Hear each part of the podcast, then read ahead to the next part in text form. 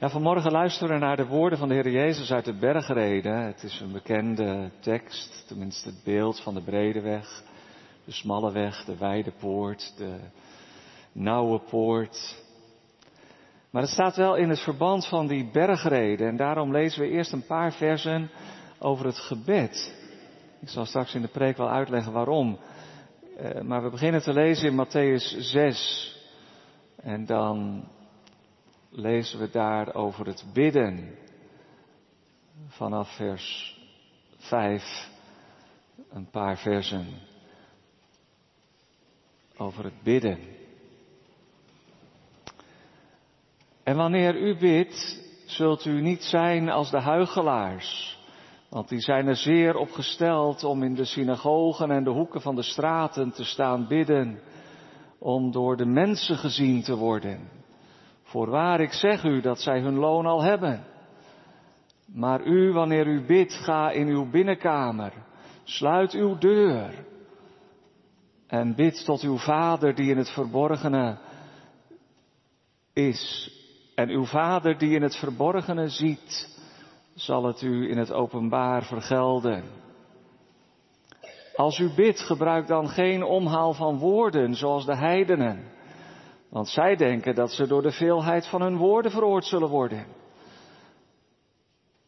Word dan niet aan hen gelijk.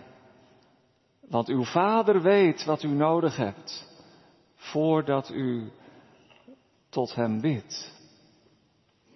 En dan komt het, onze vader, het gebed dat de Heer Jezus zijn discipelen geleerd heeft. En spreekt hij over het vasten en dat we niet bezorgd hoeven te zijn, en daar lees ik nog een paar laatste versen uit hoofdstuk 6. Vanaf vers 32, 31. Wees daarom niet bezorgd. En zeg niet, wat zullen we eten? Of wat zullen we drinken? Of waarmee zullen we ons kleden? Want al deze dingen zoeken de heidenen. Uw hemelse Vader weet immers dat u al deze dingen nodig hebt. Maar zoek eerst het koninkrijk van God en zijn gerechtigheid. En al deze dingen zullen u erbij gegeven worden. Wees dan niet bezorgd over de dag van morgen, want de dag van morgen zal voor zichzelf zorgen. Elke dag heeft genoeg aan zijn eigen kwaad. Nou, dan komt het gedeelte over de splinter en de balk en dat we niet, niet zomaar moeten oordelen en veroordelen. En dan weer over het gebed vanaf vers 7 en dan lees ik tot en met de tekst vers 13 en 14. Bid en u zal gegeven worden. Zoek en u zult vinden. Klop en er zal voor u worden opengedaan. Want een ieder die bidt, die ontvangt. Die zoekt, die vindt. En voor wie klopt zal opengedaan worden. Of is er iemand onder u die zijn zoon een steen zal geven als hij om brood vraagt? Of als hij hem om een vis vraagt, zal hij hem een slang geven? Als u die slecht bent, uw kinderen dan goede gaven weet te geven, hoeveel te meer zal uw Vader die in de hemelen is, goede gaven geven aan hen die tot hem bidden? Alles dan wat u wilt dat de mensen u doen, doet u hun ook zo. Want dat is de wet en de profeten. Ga naar binnen door de nauwe poort. Want wijd is de poort en breed is de weg die naar het verderf leidt. En velen zijn er die daardoor naar binnen gaan. Maar de poort is nauw. En de weg is smal, die naar het leven leidt. En weinigen zijn er die hem vinden.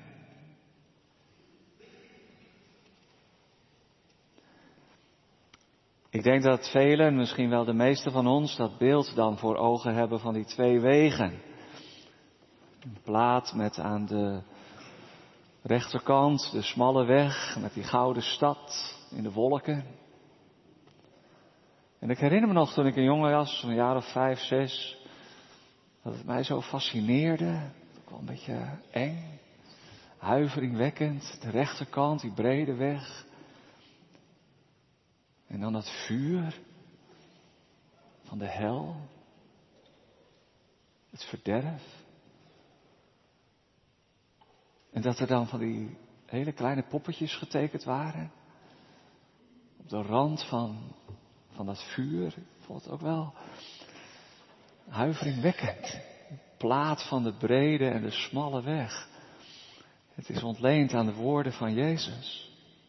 Het is een, een radicale boodschap. Er zijn maar twee wegen. Waar ga je heen?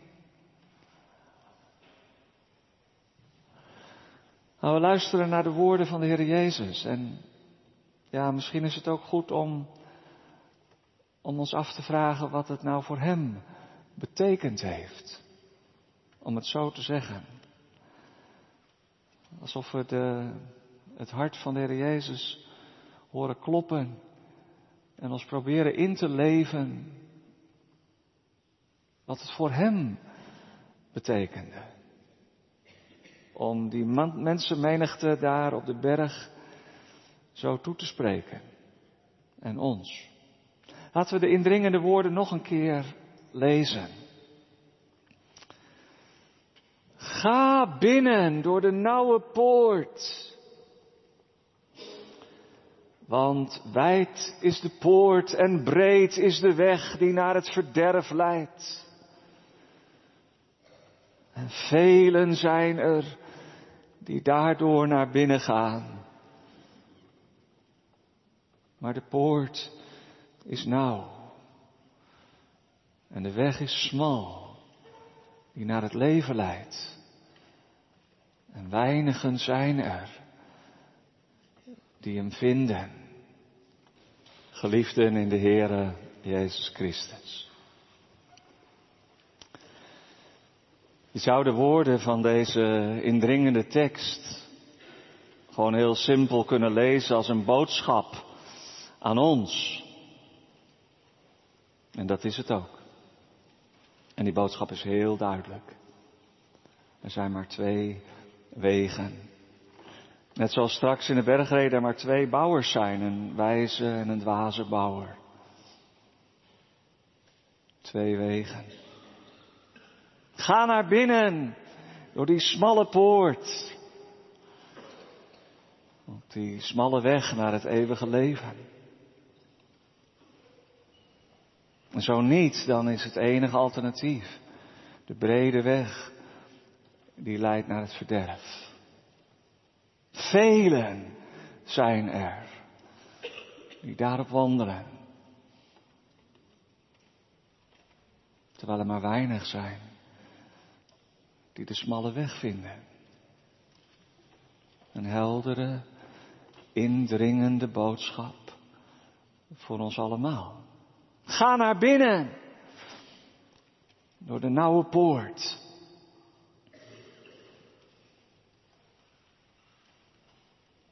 En dat roept dan de vraag op, die vraag zou je ook kunnen beantwoorden, zo heb ik er een paar weken geleden ook over gepreekt.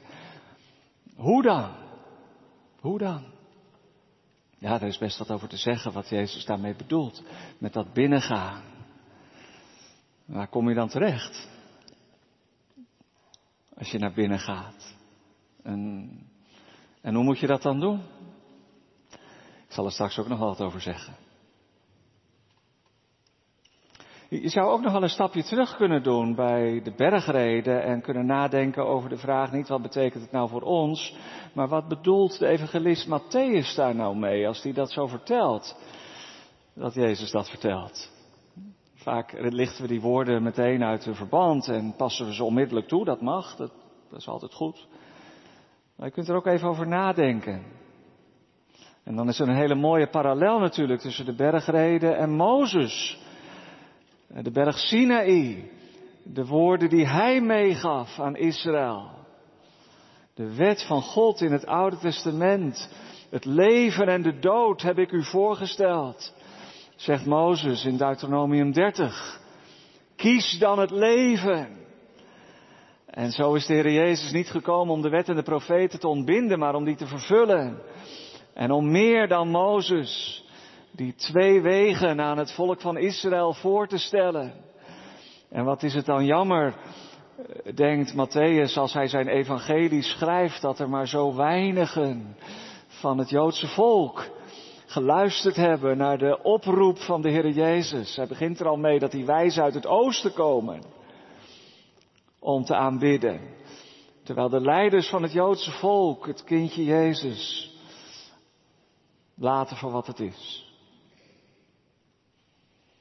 Maar zo zou je er ook meer theologisch over na kunnen denken uit het verband van het Matthäus-evangelie. De bergreden als de grondwet van het koninkrijk van God. Zo wil de Heer Jezus dat we leven. Heilig en rein met onze ogen en handen Gelukkig als armen van geest. Onbezorgd ook. Wat zullen we eten? Wat zullen we drinken? Hoe zullen we de energierekening betalen? Elke dag heeft genoeg als een eigen kwaad. Maak je niet zo druk over de dag van morgen. Dat is de grondwet van het koninkrijk der hemelen. Maar vanmorgen wilde ik het dus net iets anders proberen te doen. Ook nog iets anders dan een paar weken geleden met deze tekst. Ik vind dat moeilijk. Omdat je als het ware het heiligdom binnentreedt van de gedachten en emoties van de Heer Jezus zelf. Wat moet het voor hem betekend hebben om die menigte om zich heen te zien met zijn discipelen in een kleine kring om hem heen verzameld? En tot hen te spreken, nog niet in gelijkenissen, dat doet hij later wel, maar hier zo rechtstreeks gericht op hun hart. En toen hij de menigte zag, werd hij met innerlijke ontferming bewogen over hen. Dat wat ging er door Jezus heen toen hij deze woorden sprak? Wat heeft hij gevoeld? Wat heeft hij gedacht? Zou het ons helpen om dichter bij het geheim van deze indringende boodschap te komen? Nou, ik wil proberen drie antwoorden te geven op die vraag. Wat heeft het voor Jezus betekend om het zo zo indringend te zeggen. En als ik goed luister naar het hart van Jezus, dan hoor ik hier in de eerste plaats een diepe bewogenheid. Ik zei net al innerlijke ontferming. Hoe vind je daar de juiste woorden voor? Misschien zou ik wel moeten zeggen een grote bezorgdheid over al die mensen tot wie hij spreekt. Hij heeft het een en het andere gezegd over een heilig leven. Want wie naar een vrouw kijkt om haar te begeren, heeft al overspel gepleegd. Over een leven in liefde. Dat je je andere wang moet toekeren en zelfs voor je vijanden moet bidden. Over het niet veroordelen van elkaar omdat je aan jezelf genoeg hebt met die splinter en die balk. Hij heeft gesproken over het gebed en ik kom er zo nog op terug wat dat voor onze tekst betekent. En dan begint Jezus het samen te vatten. En hij zegt het indringend. Alles dan wat u wilt dat de mensen u doen. Dat moet u ook doen bij hen, want dat is de wet en de profeten. Zo wil mijn vader het. Niet wat gij niet wilt dat u geschiet, doe het ook een ander niet. Dat is negatief. Maar de gulden regel van het koninkrijk van God. Alles wat u wilt dat de mensen u doen, dat moet u ook doen. Dat is de wet en de profeten.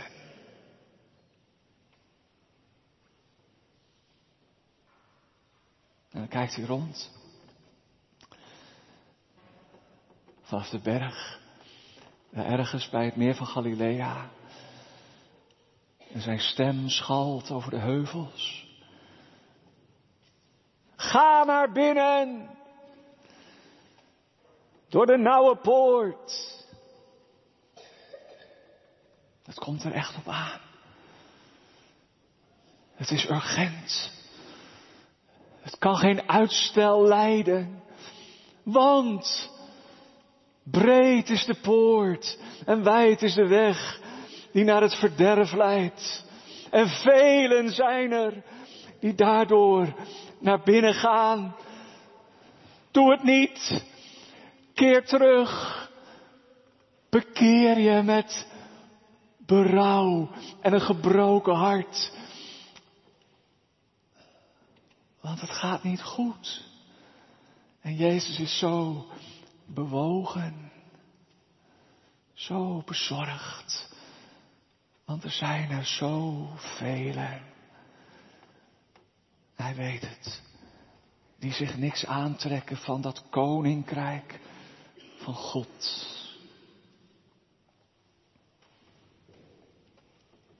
Wat mag het kosten? Want de poort is nauw en de weg is smal die naar het leven leidt. En weinigen zijn er die hem vinden. Ja, het klinkt wel een beetje zwaar, haast wat zwaarmoedig, hè? Als Jezus over velen en over weinigen spreekt.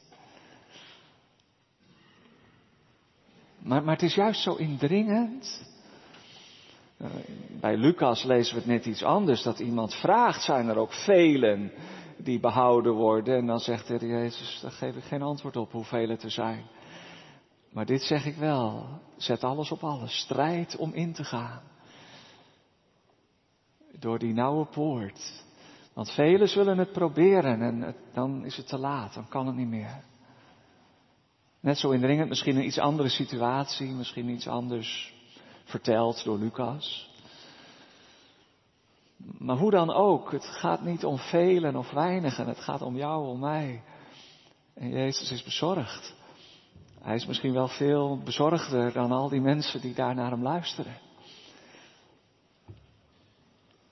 Hij is bezorgd omdat hij van ze houdt.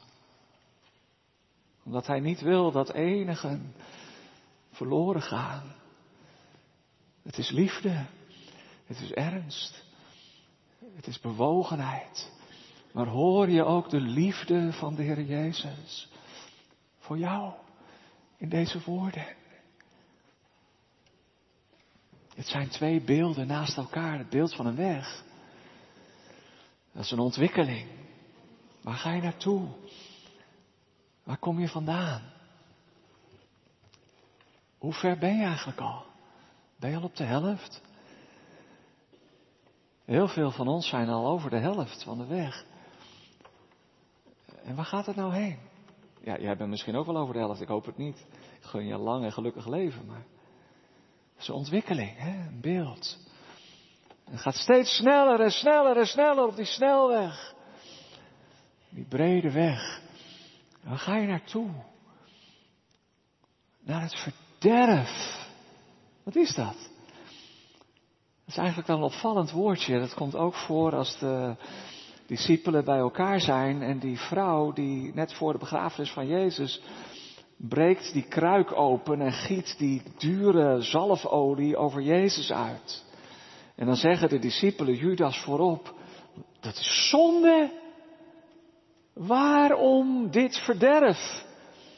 En dan merk je wel, het gaat niet direct over de hel, al gaat het daar wel over, maar het is een woord wat aan wil duiden, het is verlies. Het is zonde.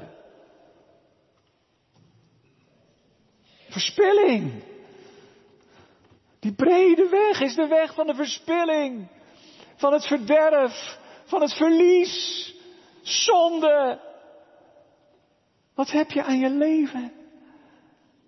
Als het alleen maar in een cirkeltje ronddraait en dan gaat steeds sneller en sneller naar het, naar het verderf. De weg zelf is al de weg van het verderf. Waar ben je nou mee bezig? Waar ga je naartoe? Ga je straks voor eeuwig verloren? Er is niemand die zo vaak en zo indringend over de hel gepreekt heeft als Jezus. En hier zit dat er ook achter. Maar dan niet in het beeld van het vuur of van de duisternis of van de wroeging. Maar gewoon, nou gewoon. Verlies. Verspilling. Als jij in de spiegel kijkt en eerlijk bent, is dat jouw leven? Verlies? Waardeloos? Waar doe je het allemaal voor? Waar draait het allemaal om? Voel je de liefde en de bezorgdheid van Jezus? Laat dat niet gebeuren. Ga naar binnen. Door die smalle poort. Die nauwe poort.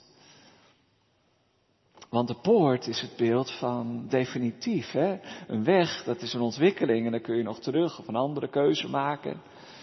Maar als je eenmaal door de poort bent, is net als op Schiphol, als je daar landt, dan kom je door zo'n sluis, dan kun je niet terug en moet er één voor één doorheen. Maar kleine kinderen mag je aan de hand natuurlijk meenemen als ouders, misschien heb je het wel meegemaakt. Dat is om te voorkomen dat mensen de verkeerde kant langs de douane zomaar naar binnen glippen. Er is geen terugweg mogelijk. De poort, dat is een point of no return. Dus een, een term uit de luchtvaart. Hè? Als je de Atlantische Oceaan oversteekt, dan is het op een gegeven moment een point of no return.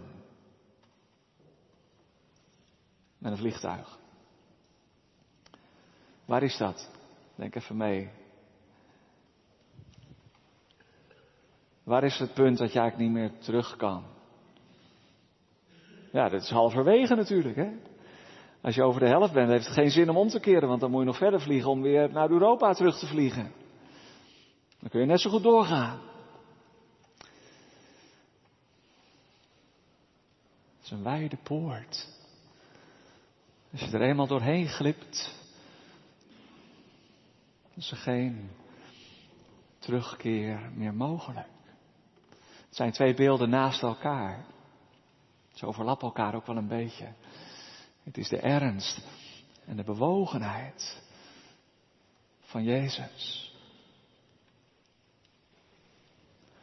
Maar dat is niet het enige wat we horen als we luisteren naar zijn, zijn hart. Er is ook een diep verlangen wat hieronder schuilt. Een, een gunning en daarom zet dat beeld van die plaat ons toch een beetje op de verkeerde weg. Alsof er twee poorten zijn en dat je nog op een soort neutraal terrein staat waar je kunt kiezen voor rechts of links. Dat is natuurlijk niet waar. Als je een plaat zou tekenen, dan, dan staat die smalle poort op de brede weg. Het is niet zo dat er een soort uh, neutraal terrein is. Het is misschien ook wel een beetje moralistisch, hè? al die beelden van dingen van toen, de 19e eeuw, die verkeerd waren. Maar goed, het is wel indringend en het is ook wel ernstig. Maar er zijn geen twee opties eigenlijk. Hè? Als je goed luistert wat Jezus zegt, dan zegt hij niet, nou er zijn twee poorten en ja, kies dan wel, maak wel de goede keuze. Het is juist zo indringend omdat hij eigenlijk maar één optie overlaat. Ga naar binnen. Want velen doen dat niet. Helaas. Schrikkelijk. Maar ga nou naar binnen. Het is, misschien mag ik het zo zeggen, ook zo mooi om naar binnen te gaan. Want waar kom je dan als je naar binnen gaat? Dan kom je in het koninkrijk van God. Dat is een centraal thema trouwens in heel het Matthäus-evangelie. Het koninkrijk van God. Al die gelijkenissen gaan over het koninkrijk van God. En blijkbaar heeft dat koninkrijk van God een weg die er naartoe leidt, maar in eerste instantie ook een deur. Eh, het is een smal poortje, je loopt er zomaar aan voorbij, hè? net als in de binnenstad. Als je een steegje in moet, nou, dat winkelend publiek, en je loopt mee. Oh ja, hier moest ik zijn, ik was er al voorbij gelopen. Als je niet oplet, en dat zegt de Heer Jezus ook, er zijn er maar weinig die hem vinden. Je moet er dus ook moeite voor doen om te zoeken. Zoekt en u zult vinden. Je moet wel opletten. Maar als je die poort vindt, daarachter is het zo mooi. En dat noemt de Heer Jezus met het andere woord het leven. De weg die leidt naar het leven. Maar ook de poort, als je daar doorheen gaat, dan ben je eigenlijk al in dat koninkrijk van God, in het leven. Wie in mij gelooft, die heeft het eeuwige leven. Dat begint nu al. En dat is zo mooi, zo gaaf leven. Dat gunt de Heer Jezus al zijn hoorders. En er is een diep verlangen in zijn hart om je mee te trekken, om je uit te nodigen, om je te dwingen om in te gaan. Hij heeft er alles voor over. Hij is daarom vanuit de hemel neergedaald om die weg te wijzen, om die weg te zijn. Ik ben de weg en de waarheid en het leven. Hij is uit de hemel neergedaald om die weg te gaan. Die weg die smal is. Letterlijk staat er een weg van verdrukking en beproeving. Soms kan je geen kant meer op. En het zal niet altijd gemakkelijk zijn. Want wij moeten door vele verdrukkingen ingaan in het koninkrijk van God. Maar het is zo de moeite waard. Het is zo mooi. Achter die poort is een hele andere wereld. Je weet niet wat je ziet. Het deed me even denken aan Narnia, hè, die film van die, van die kast. Misschien hebben jullie hem ook wel gezien of het boek gelezen van Lewis. Het is natuurlijk een sprookje. Maar, maar als je door die poort gaat, dan kom je in een hele andere, hele andere wereld. Sprookjesachtig, nou nee, zo fijn is het daar ook weer niet. Het, is, het is ook een oorlogsgebied. Ik weet niet of Louis aan die smalle poort gedacht heeft met zijn, uh, met zijn kast. Kan. Het is wel oorlogsgebied, natuurlijk. En dat blijft ook zo, achter die poort en op die weg. Het is een weg van strijd.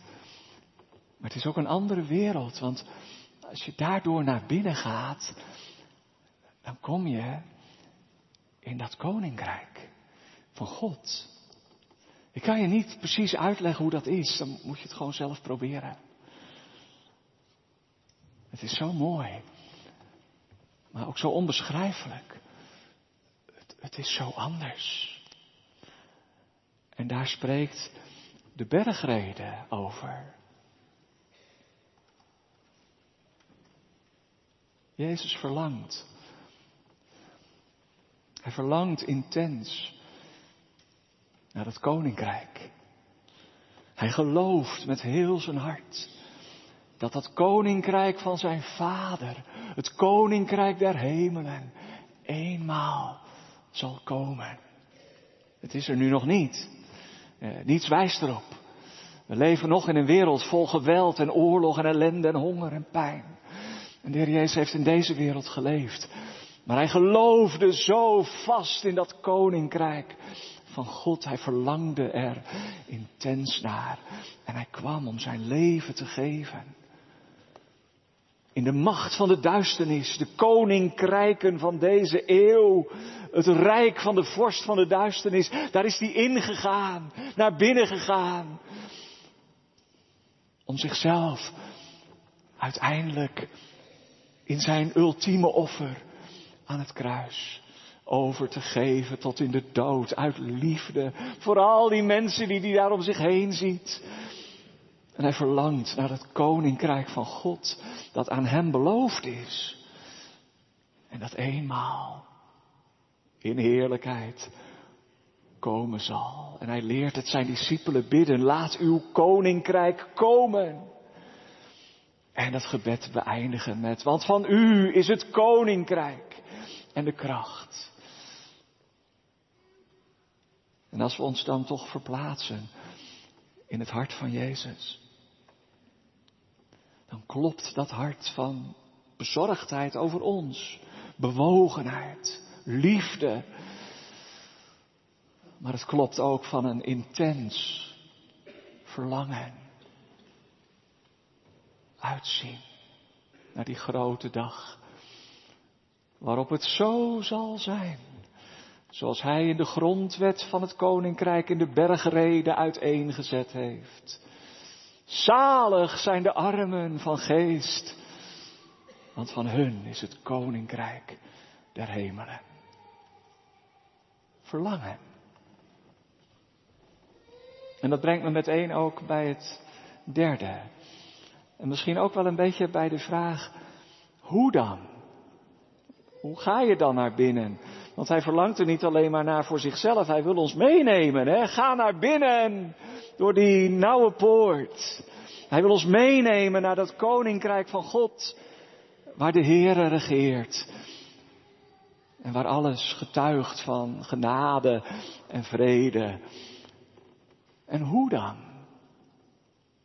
En dan ligt er onder deze indringende woorden met zoveel bezorgdheid en liefde, zoveel verlangen en verwachting, er ligt ook een diep vertrouwen onder. Een vertrouwen. Want waar de Heer Jezus over spreekt met die beelden, als we dat verstaan in het geheel van de bergreden, is in ieder geval ook, maar misschien wel in de eerste plaats, over het gebed.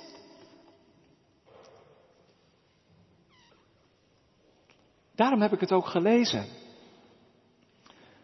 Zoekt en u zult vinden. Klopt. En de deur zal voor u opengaan. Hè? De beelden verschuiven wel iets. Maar als jij zegt hoe dan, dan heeft de Heer Jezus al gezegd hoe dan. Klopt. En de deur zal voor u opengaan. Trouwens, als de Heer Jezus het heeft over weinigen zijn er die hem vinden, dan klinkt daar natuurlijk ook in door dat zoeken. Zoeken is in de bergreden bidden. En dan moeten we niet gaan bidden, zegt Jezus, zoals de heidenen dat doen, heel uitvoerig en met heel veel woorden, want zij denken hoe langer ik bid, hoe meer kans ik maak dat eh, de goden het verhoren. Nee, zegt hij, zo is het niet. Dat hoeft helemaal niet. En, ook niet om door de mensen gehoord te worden en gezien te worden. Dat doen de huigelaars. Misschien heb je dat ook wel eens als je voor het eerst bidt op de jeugdvereniging of zo. Of in een kringgebed. Of als ouderling in de consistorie. Ja, dan hoor je jezelf praten. Dat is nou eenmaal zo, dat werkt zo. Dat, herken ik. Dat geeft eigenlijk ook niet zo natuurlijk. Het is ook een beetje spanning. Maar als je nou alleen, en het voelt ook niet zo fijn, hè, want ik heb eigenlijk niet eens gebeden, ik was zo met mezelf bezig. Als je nou echt bidt, dan vergeet je eigenlijk alles om je heen, hè. Dan praat je met God.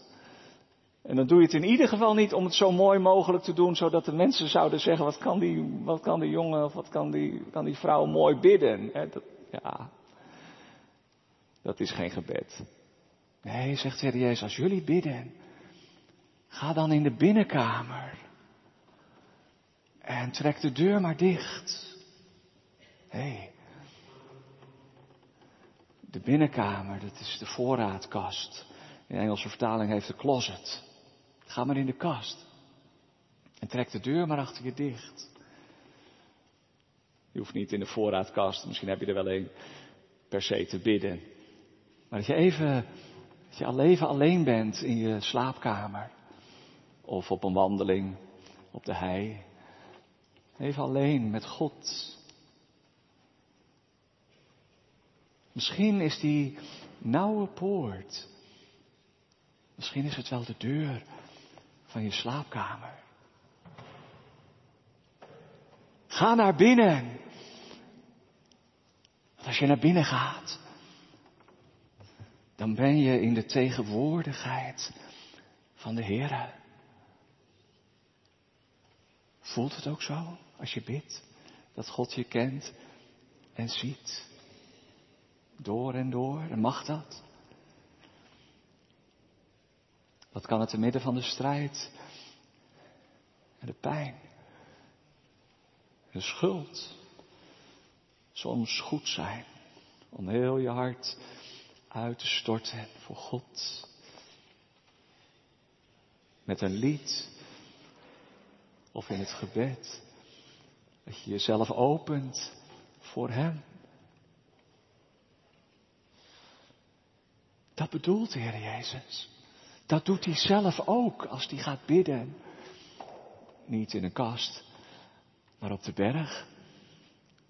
Om alleen te zijn met zijn vader.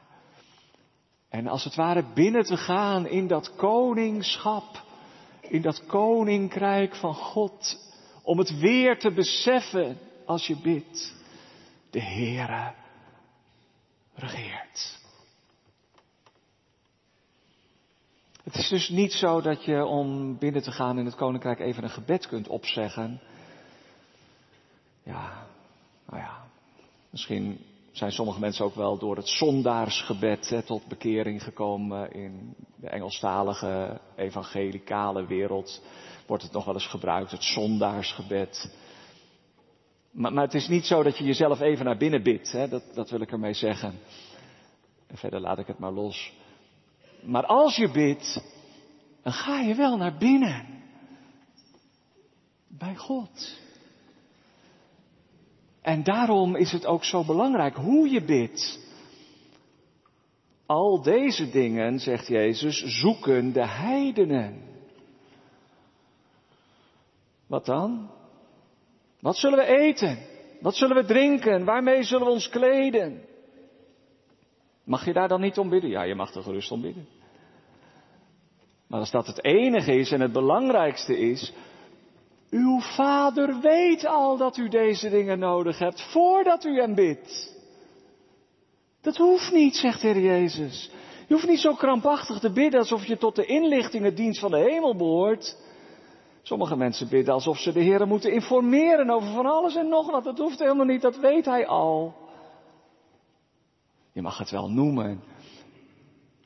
En, en al is het heel klein of heel groot.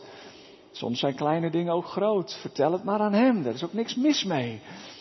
Maar altijd in het diepe vertrouwen. Uw Vader weet. Uw Vader ziet. Uw Vader hoort. Uw Vader vergeeft. Jezus zegt niet mijn Vader, mijn Vader. Hij zegt onze Vader. En hij zegt het zo vaak in de bergreden, al is hij nog zo scherp over velen en weinigen. Hij zegt het tegen al die mensen die naar hem luisteren. Uw Vader. Geloof je dat? Dan ben je in het koninkrijk. Uw Vader weet. Uw Vader ziet. Uw Vader hoort. En daarom ligt er deze indringende woorden vol bewogenheid en vol verlangen. Ook een diep vertrouwen van Jezus zelf.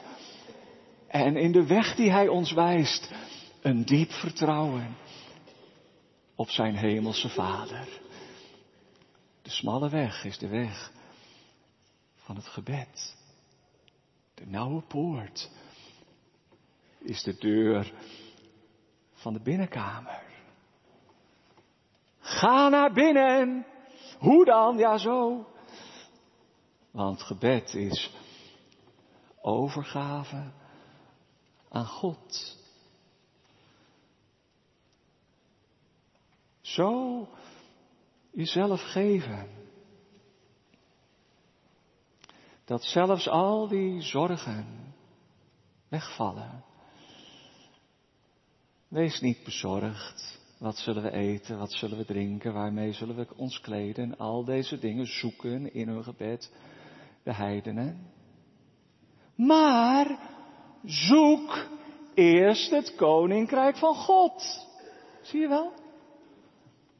Als je bidt en dus ingaat in de tegenwoordigheid van die godsregering, je vertrouwend overgeeft aan de Heer zoals Jezus deed in zijn gebed, dan zoek je eerst het koninkrijk van God.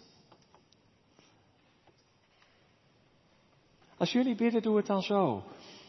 Onze Vader die in de hemelen zijt, uw naam worden geheiligd, uw koninkrijk komen, uw wil geschieden. Hoe dan? Ja, zoek dat koninkrijk van God eerst, letterlijk gewoon eerst, in je gebed. En dan ons brood, onze schuld, dat ook, vergeving. Onze strijd leidt ons niet in verzoeking, mag allemaal. Eerst, eerst het koninkrijk van God. En al die andere dingen, die komen er vanzelf in mee. Een diep vertrouwen. Als voorbeeld voor ons. Als opdracht aan ons.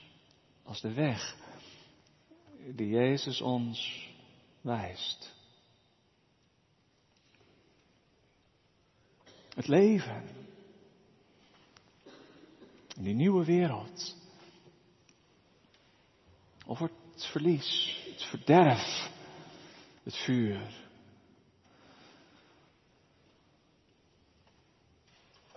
Ga naar binnen. Door de nauwe poort. Ik wil niet dat jullie verloren gaan, zegt Jezus. Al weet ik dat er velen zijn die daardoor naar binnen gaan. Doe het niet. Keer terug. Want de weg is smal en de poort is nauw, die naar het leven leidt. Zoekt en je zult vinden, al zijn het er misschien weinig naar verhouding. Het zal een menigte zijn die niemand tellen kan, in die end. Uit alle volken, talen en naties. Zoekt en je zult vinden. De weg, de poort naar het leven. En weet je wat nou zo mooi is? Daar eindig ik mee. Dat is niet wat Jezus zegt. Het hoeft ook niet per se zo te worden uitgelegd misschien, maar leg die twee beelden nou eens over elkaar. Hè? De weg van de ontwikkeling. Als je niet oppast, steeds sneller en sneller en dan is het te laat. En de weg naar het leven en de nauwe poort en de wijde poort. Dan zou ik het haast zo zeggen, aan het eind van de brede weg There's a point of no return. En soms zou je zeggen, ja, die poort is al eerder, maar, maar laten we maar zeggen, helemaal aan het eind van die brede weg.